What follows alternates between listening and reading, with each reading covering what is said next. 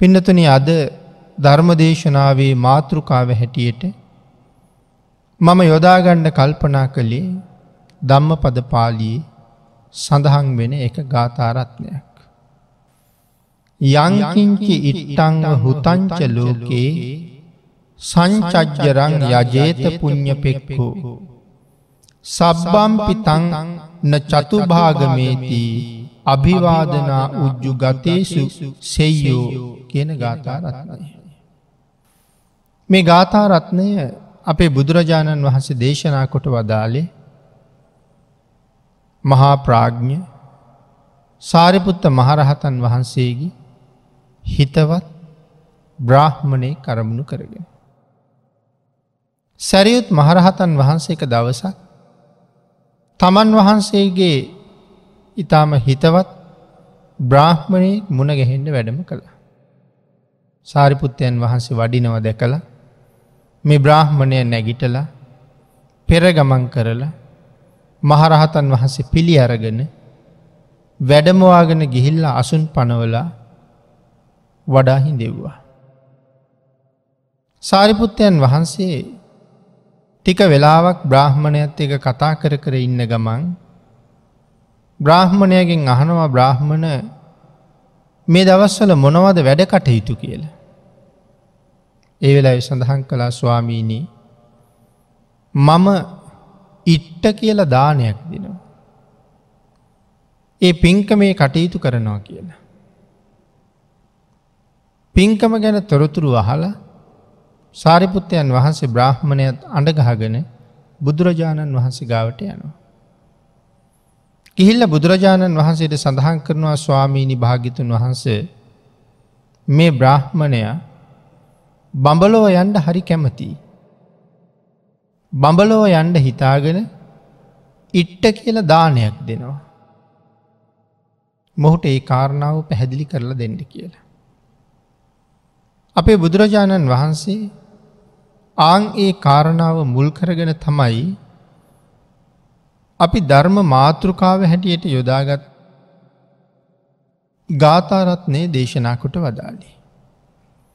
මේ ගාථාරත්නය සරල තේරුම සිහිපත් කරනවා මේ සත්ත ලෝකයේ පින් කැමැත්තෙන් යම් කිසි කෙනෙක් කුඩා දනක් හෝ අමුතු මහදනක් හෝ අවුරුද්දක් මුළුල්ලෙහි දුන්නේ නමුත් ඒ හැම දානයක්ම උතුම් ආර්යන් වහන්සේ නමක් වඳින්නෙකුට උපදින කුසල චේතනාව හතරකට බෙදල ඒ හතරෙන් එක කොටසක් තරංවත් වටින්නේ නෑ කියන. එතකොට මේ උතුම් ආර්යන් වහන්සේ නමකට වන්දනා කරන එකම මොන තරං මහත් පලයිද කියන කාරණාව මෙතනදි පැහැදිලි කරනවා. එන පිනතින මෙතන සඳහන් කළා යංකිංචි ඉට්ටංව හුතංච ලෝකයේ එම සඳහන් කළේ මේ ලෝකෙහි යම්කිසි කුඩා දනක් වූ අමුතු මහ දනක් වූ. මොනවද මේ කුඩා දනක් හෝ අමුතු මහ දනක් හෝ කියල කියන. පිඟතින මේක මංගල සූත්‍රයේ මංගල කාරණා පිළිබඳව පැහැදිලි කරනකොටත් විශේෂයෙන් විස්තර කරනවා මේ කුඩා දනක් කියන්නේ. මොකක්ද එහෙම ඇත්තං මංගල ක්‍රියාවේදී දින්න දානං මංගල අවස්ථාවකදී දෙන දානය. එතකොට මේ මංගල අවස්ථාවිදි කියල කියන්නේ අපිට එක පාරම හිතට එන්නේ විවාහ මංගල්ලයක් ගැන. එවුනාට මිනිස්සුන්ගේ ජීවිතවල මංගල අවස්ථා ගොඩක් තියෙනවා. ඒ පිළිබඳව මෙහෙම කරුණු ටිකක් පැහැදිලි කරනවා මොනවදේ මංගල අවස්ථා කියලා. ගෙපල් තැනීම එක නිස්සරලාම ගෙයක් හදන්ඩ අපි ගැන ගෙපොල හදනව කියලා. ඉතින් ඉස්සරලා මෙතන සුද්ධ කරන දවසත් මංගල අවස්ථාවක්. අත්තිවාරම කපන දවස කියල කියන්නේ මංගල අවස්ථාවක්. මුල්ගල් තබන දවස කියල කියන්නේ මංගල අවස්ථාවක්. ඊට අමතරව උළුවහු තැබීම මංගල අවස්ථාව. දරුවන්ගේ කෙස් කැපීම දරුවන්ට ඉඳුල් කටගෑම ඉස්සරලාම හිසේ තෙල් ගෑම මේ ආදී නොයෙක් අවස්ථා අපිට මංගල්ලයන් හා සමානයි. වැඩිවිය පැමිණීමේ මංගල්ල ආවාහ විවාහ මංගල්ල මේවාගේ අවස්ථාවලට අපි පිරිස් රැස් කරගන්නවා. ආරාධනා කරනවා. කැඳවලා ඒ පැමිණිච්චායට ආහාරපානාදීන් සංග්‍රහ කරනවා. මේවාගේ කාරණා තවත් ඕන තරන් පැහැදිලි කරන්න කරුණු තියෙනවා. එක එක ආගංවලට අනුව එක එක ජාතීන්ට අනුව මේ මංගල අවස්ථා තව තව මේ විදිහට වෙනස් වෙන්ඩ වෙනස් වෙන්ඩත් පුළුවන් ඒගොල්ලන්ගේ චාරීත්‍ර වාරීත්‍රවලට අනුව.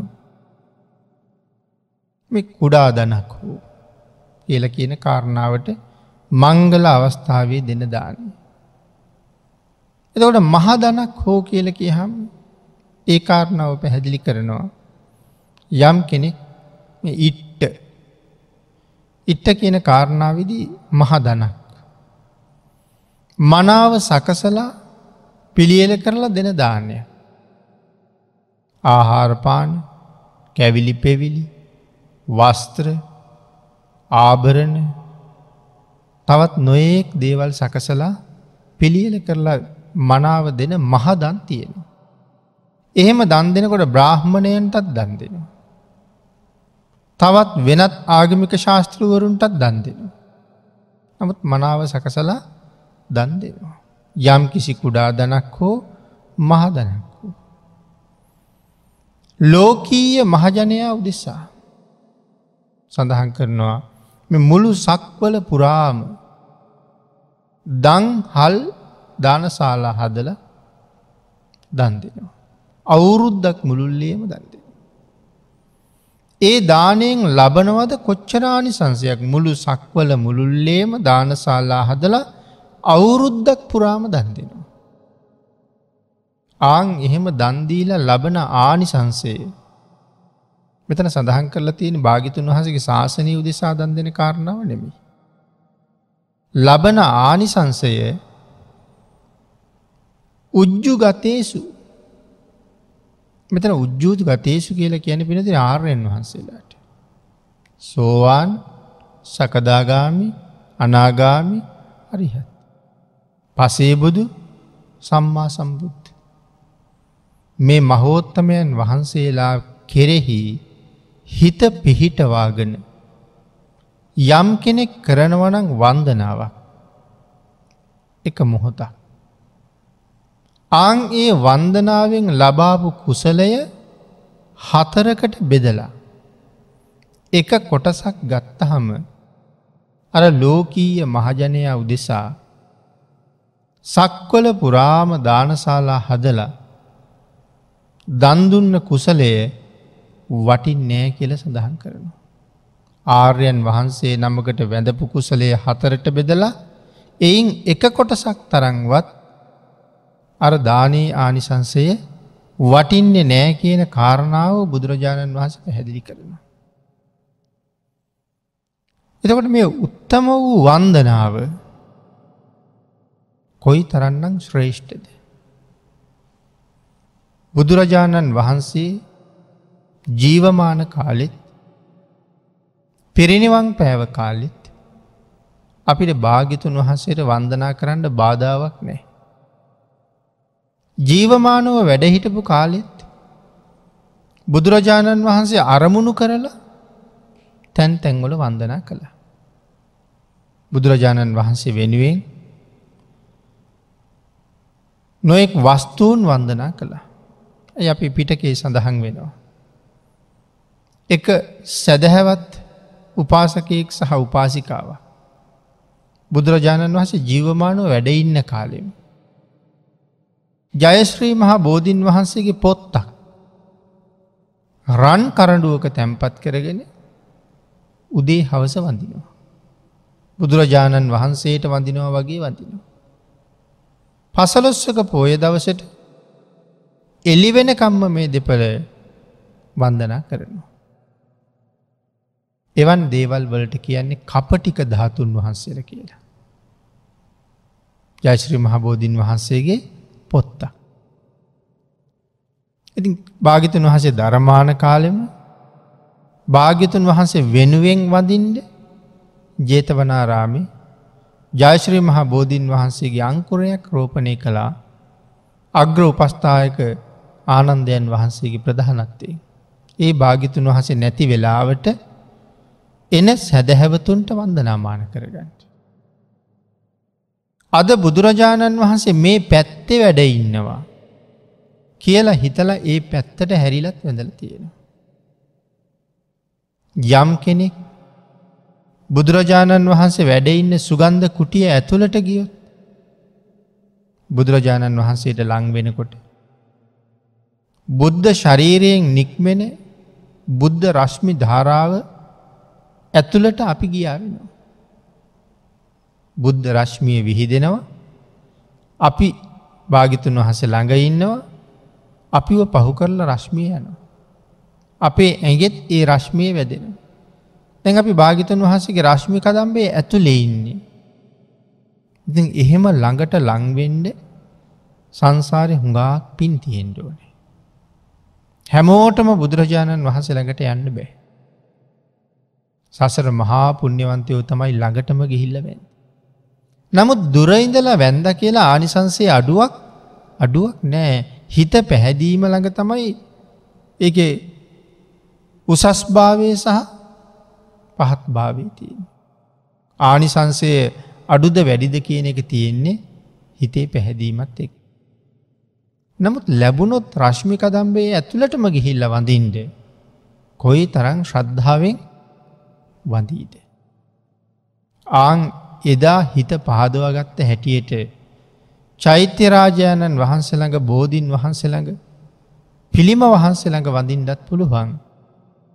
සරුවඥ ධාතුන් වහන්සළඟ වඳින්ඩත් පුළුවන්.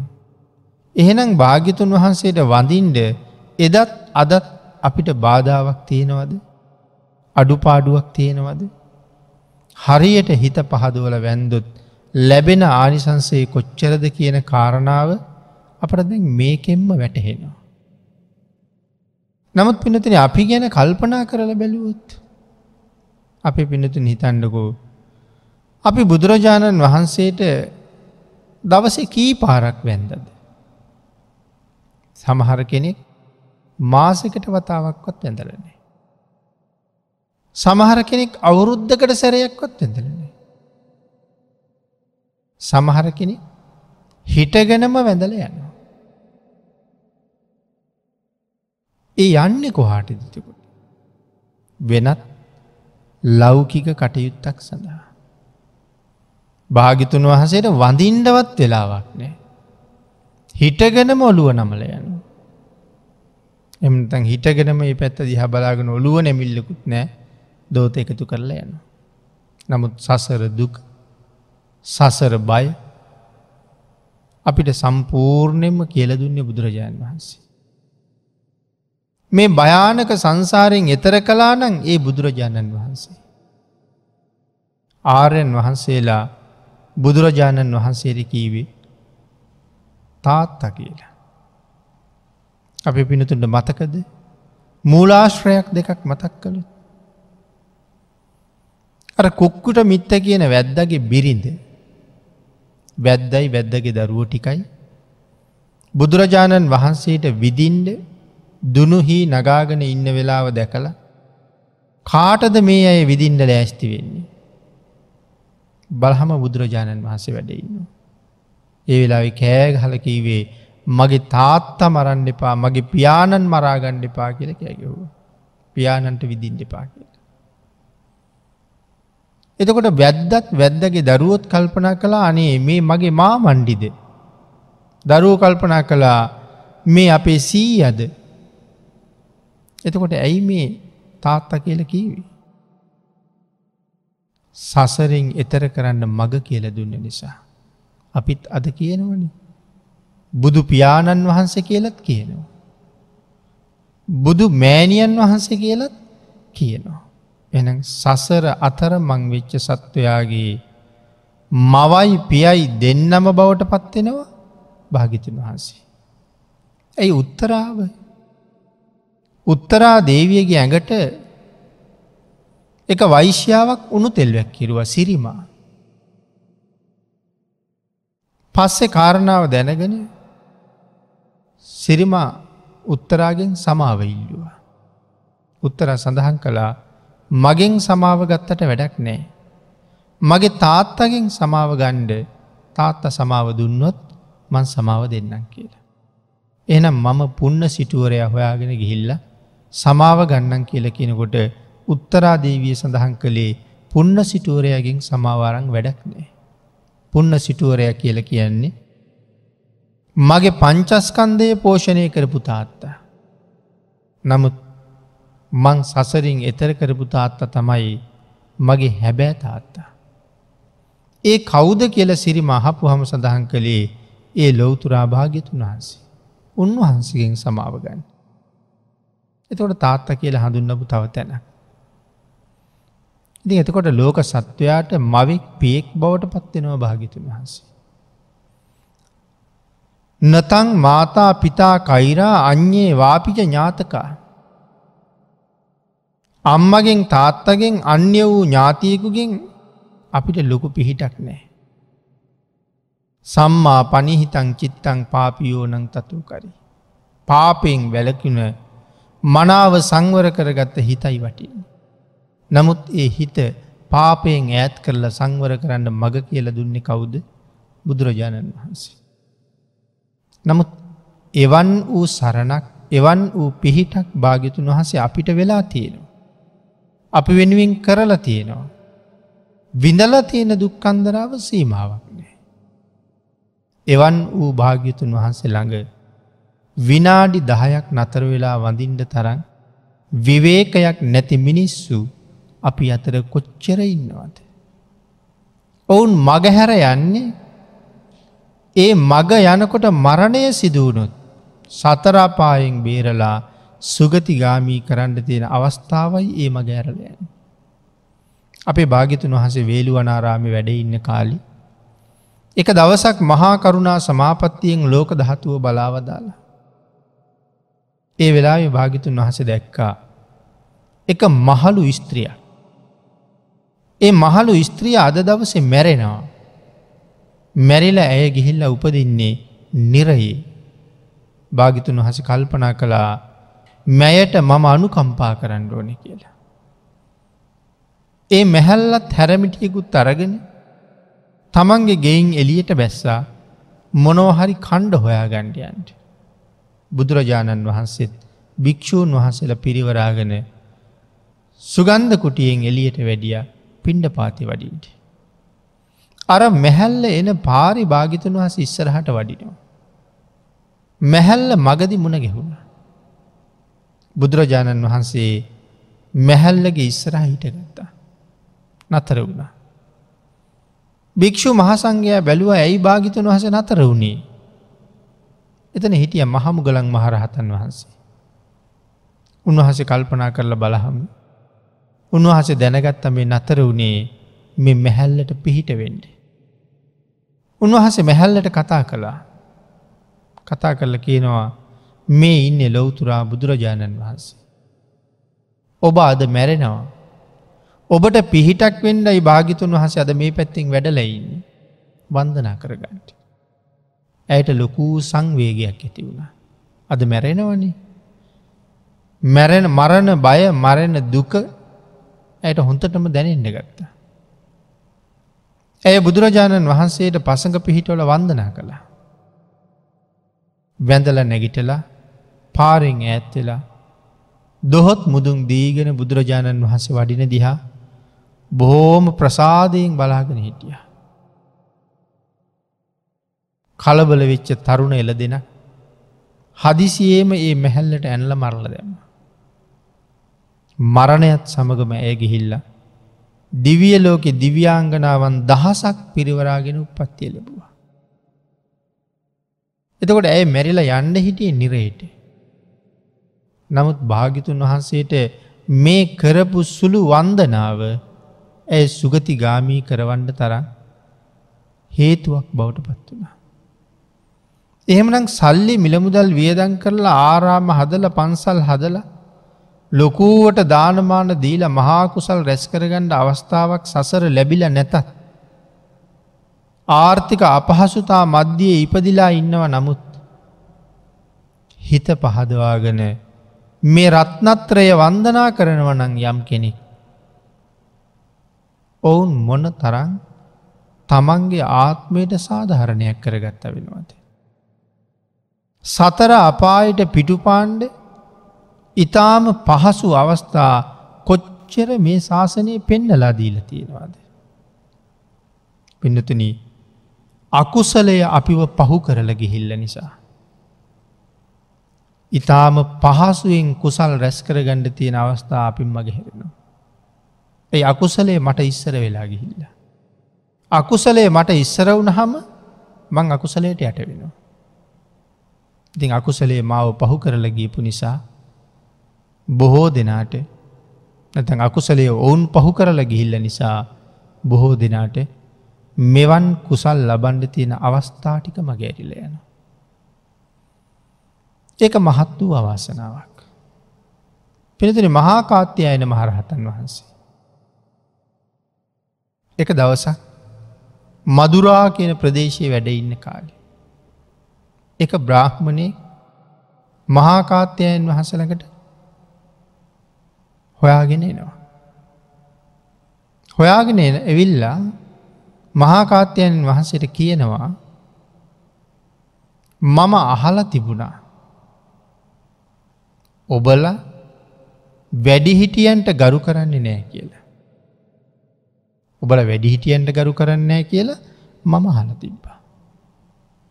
හැබැයි අද මම ඒක ඇත්ත වශයෙන්ම ප්‍රත්‍යක්ෂ කරගත්ත. ඒ කොහොමද ප්‍රත්‍යක්ෂ කරගත්තේ. ඇයි මේ බ්‍රාහ්මණයට හුඟ වයිසයි. බ්‍රාහ්මණය එනවා දැකලා. මහා කායිත්‍යයන් වහන්සේ නැගිටලා පෙරගමන්ගීත් නෑ. බ්‍රාහ්මණයව පිළිගත්තෙත් නෑ. ආසන පැනෙව්වෙත් නෑ. දෙපා දෝවනය කළෙත් නෑ. වෙනත් කිසිත් වත් පිළිවෙත් මොකොවත්ම කාත්‍යයනෙන් වහස කළේ නෑ. නමුත් බ්‍රාහ්මණයට වඩා වයිසිම් බාලයි. ඒ නිසා බ්‍රාහ්මණය කියනවා වැඩිහිටියන්ට සලකන්නේ මං එක අහල තිබ්බා අද එක ප්‍රත්‍යක්ෂ වශයෙන්ම දැක්ක කියලා. අං ඒ වෙලාවේ මහා කාත්‍යයන් වහන්සේ මේ බ්‍රාහ්මණයට සඳහන් කරනවා. බ්‍රාහ්මණය වෘර්ධ භූමියයි දහර භූමියයි කියල භූමීන් දෙක අපේ භාග්‍යතුන් වහන්සේ පෙන්නුම් කරලා තියෙන. වෘර්ධ භූමියයි දහර භූමියයි කියන දෙකක්. එනකට උන්වහසේ සඳහන් කළා මෙහි යමෙක් උප්පත්තියෙන් අවුරුදු අසුවක් අවුරුදු අනුවක් අවුරුදු සීයක් වයස් ගත වෙලා. නමුත් ඔහු තාම කාමසේවනය කරනවද? කාම දාහයෙන් රෑදවල් දැවිදැවී සිටිනවද? කාම වස්තුූන් සොයාගෙන යනවද? ඔහු මහල්ලෙක් නොවේමය. වයස එතකොට අවුරුදු අසුවක් අනුවක් සීයක් විතර වෙලා. තාමත් ඉන්න කාම වස්තුූන් ගැන හිත හිට. කාම සේවනය ගැන හිත හිට. අං එහෙමනං ඔහු මහල්ලෙක් නොවේමය කියල සඳහන් කරනවා. වයසින් මහළු වුවත් කටයුතු අතින් ඔහු මහළු නොවේ. වයසින් මහළුයි නමුත් කටයුතුවලින් ඔහු මහළු නෑ කියල සඳහන් කරනවා. කටයුතු අතින් බාලයෙක්මයි යමෙක් විසින් තොට මොහු වයසනෑ කටයුතු අතින් ඉතාම බාලයි. වයසින් වයස ගිහිල්ල නමුත් කටයුතුවලින් බාලයි. ඊළඟට සඳහන් කරනවා යම් කෙනෙක් තිස් අවුරුදු වයසේ.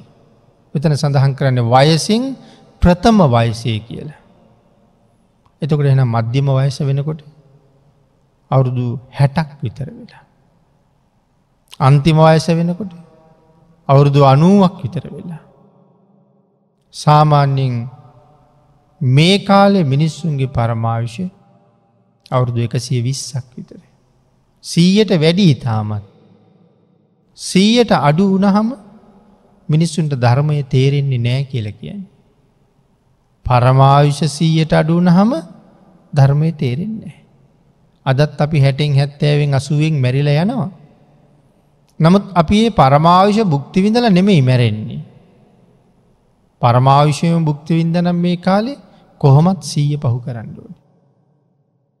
නමුත් පරමාවිශයේ සීයට අඩුනාට පස්සේ. මිනිස්සුන්ට ධර්මය තේරෙන්නෑ කියන ඇයි ඒ මිනිස්සුන්ගේ තන්හාාව වැඩි වෙන. ඒ කාලෙ වෙනකොට තන්හාාව තවත් වැඩි. දැ අපි මුලින් කතා කරපු විදිහට තන්හාාව වැඩිහින්දමනේ බුදුරජාණන් වහන්සේ ළඟ දනගහල වඳින්ඩවත් වෙලාවක් නැත්තේ. ඒ තරම් කටයුතු තියෙනවා. මේ කාලෙත් බණක් අහන්ඩවත් වෙලාවක් නෑ. හුඟක් දෙන බණපිංකමකට එන්ඩ කියන නිසා ඇවිල්ල මූුණ පෙන්නලා හිමීට යන. සමහරය බනාහන අතරෙත් දුරකතන ඇමතුන් වලටත් උත්තර දෙනවා. එකන්නේ හිත පිහිටවාගෙන බණක් අහන්ඩ තරං විවේකයක් නෑ මිනිස්සුන්ට. සමහල්ලාට දුර ඇමතුමා දුරකතන ඇමතුමාවට පස්සේ බනාහනක නවත්තල නැගිටල යනවා. ඊට වඩා වටින දෙයක් වගේ ඒ කටයුත්ත. ප්‍රඥාව නැති නිසා. තන්හාාව වැඩි නිසා. ඉතින් මෙතන එතකොට සඳහන් කරන ඇහුණු තවුරුදු අනුව සීය කාලි ගැනම කතා කරනු ඇත්ති. අවුරුදු තිහක් තරම් වූ ප්‍රථම වයසේ ජීවත්වෙන කෙනෙක් බ්‍රහ්මණය කාමසේවනයෙන් වෙන් වෙලානං රෑ දවල් කාම දාහෙන් පිච්චෙන්නේ නැත්තං පංච කාමය උදෙසා කටයුතු කරන්න නැත්තං ඒ සියල්ලෙන් වැලකිලා කටයුතු කරනවනං ඔවුන් ඉතාම ගුණවත්. ඔවුන් ඉතාම සිල්වත් ආංගේ ගුණවත් සිල්වත් උත්තමයෝ කාම දාහෙන් දැවි දෙවී ජීවත්වෙන අයට සත්කාර කරන්න එන්නේ නෑ.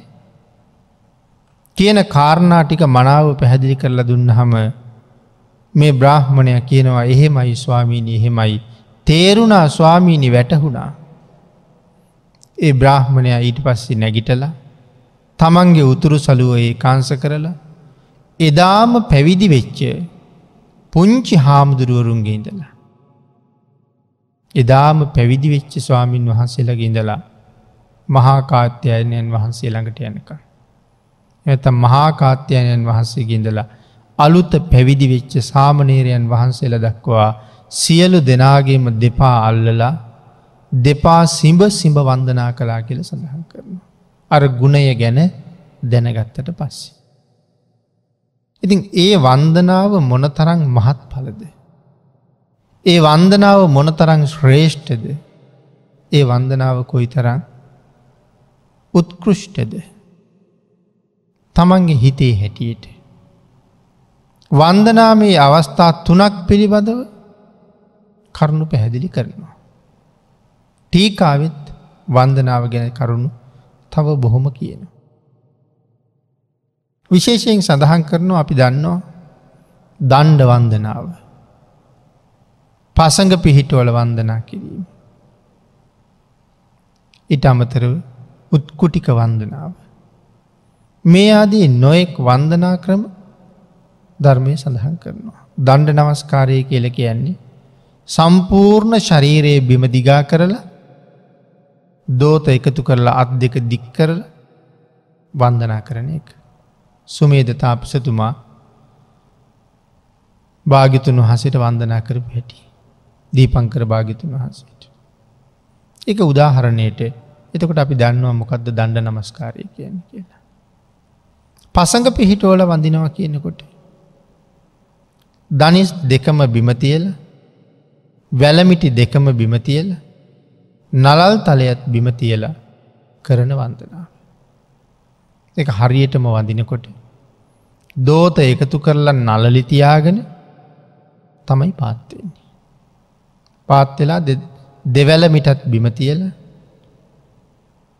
අත් දෙක තුනී කරලා එමනතැන් ඉස්සරහට දික් කරලා දෝත එකතු කරලා අත් දෙක ඉස්තරහට දික් කළ නලල බිමතියලා වන්දනා කරනු. උත්කුටික වන්දනාව. මහා බ්‍රහ්මයා ධර්ම දේශනා කරන්න ඉස්සරලාම භාගිතුන් වහසට ආරාධනා කරන වෙලාවේ වන්දනා කරපු හැටි. අපේ ඇය පින්තූරෝලින් විහාරවල එහෙම දැකල ඇති. එක දනහිසක් බිමතියලා. අනික් දනහිස බිමතියන් නෑ. දෝත එකතු කරලා නලලි තියලා. වම් දනහිස මත වම් වැලමිට තියලා. ඔළුව පාත් කරලා කරන වන්දනා. මේ ආදී වන්දනා ක්‍රම සඳහන් කරලා තියෙනවා. හැබැයි නියම වන්දනාව සඳහන් කරනකොට පසඟ පිහිටවාගෙන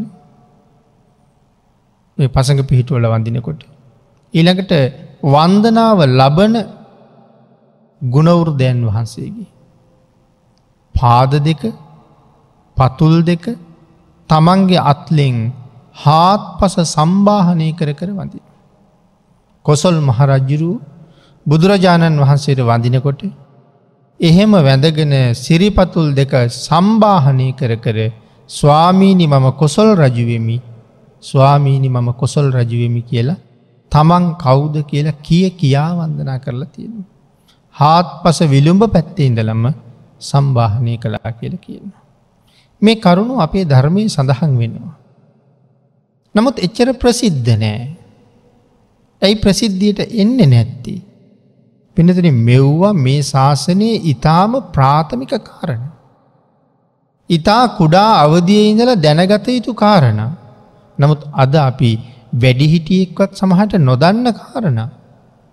නමුත් බෞද්ධයෙක් තුළ මුලින්ම දැනගෙන තිබිය යුතු කාරණා නිසයි සාමාන්‍ය පොතපතේ මේ කරුණු සඳහන් කරලා නැත්ති. අපි විසින් දැනගත යුතුම දේවල් නිසා.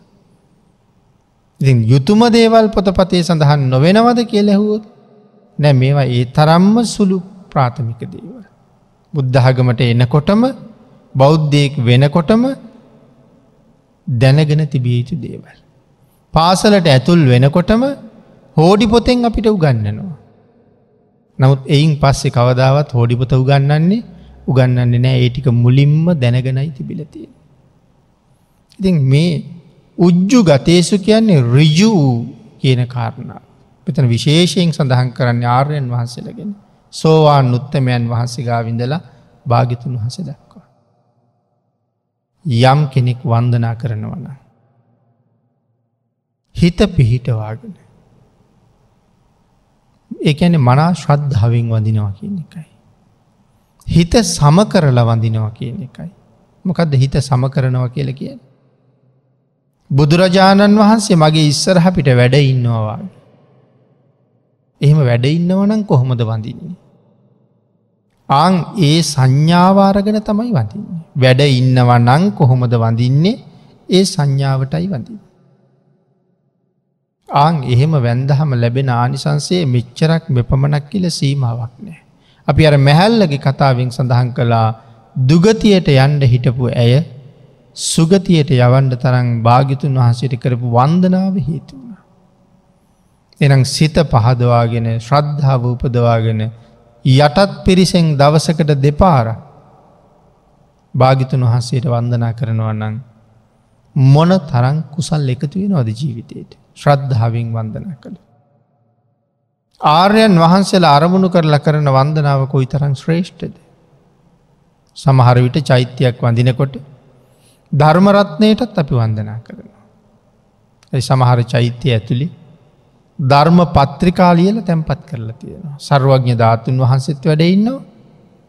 ධර්ම පත්‍රිකත් වැඩඉන්නවා ඒ විතරක් නෙමෙයි රහතන් වහන්සේලගේ ධාතුන් වහන්සේලා සමහරවිට තැන්පත් කරලා තියෙනවා. ත්‍රවිධරත්නයටම වන්දනා වෙතන කරන්න පුළුවන්.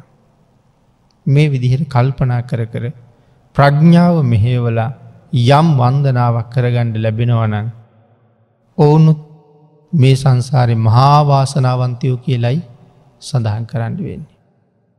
එහෙමනම් පිඩතුනී මෙතන දේශනාකොට වදාලා අපි මේ සාකච්ඡා කරපු ගාථාරත්නයේ ඒ වන්දනාව කොච්චර උසස්ද ඒ වන්දනාව කොච්චර උතුම්ද කියන කාරණාව.